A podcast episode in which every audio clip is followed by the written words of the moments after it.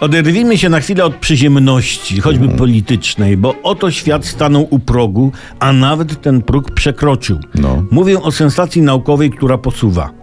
Nie wiem, czy kiedykolwiek analizowaliście poruszanie się pęcherzyków powietrza w wodzie. Pewnie nie raz i nie dwa i nie wątpię, że zastanawialiście się, dlaczego pęcherzyki powietrza w wodzie nie zawsze poruszają się po linii prostej. Na pewno ten problem borykał was od dzieciaka. Naukowcy w końcu znaleźli wyjaśnienie. To bardzo zaawansowana fizyka. E, coś się dzieje, co ma wpływ na coś innego, że takie coś się robi, że coś tam, coś tam i myk. Normalnie, jak w życiu. To tak w dużym skrócie, prawda?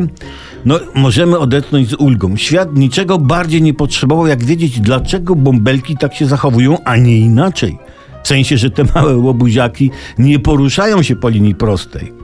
Pali ich o głód, wojny, kryzysy. My, jako cywilizacja, wiemy już o trajektoriach pęcherzyków, czy tam bąbelków, wszystko. Dlaczego to jest takie ważne? No to jest teoria Przemysława Skowrona, bo to jest najprawdopodobniej taka próba, którą poddają nas wysoko rozwinięte cywilizacje pozaziemskie. Ich przedstawiciele przylatywali i sprawdzali, czy już wyjaśniliśmy bąbelki.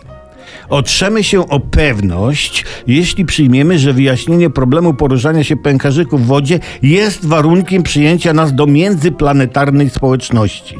Przyleci UFO i powie o nas tak, zrobiliście to, huncwoty, witajcie.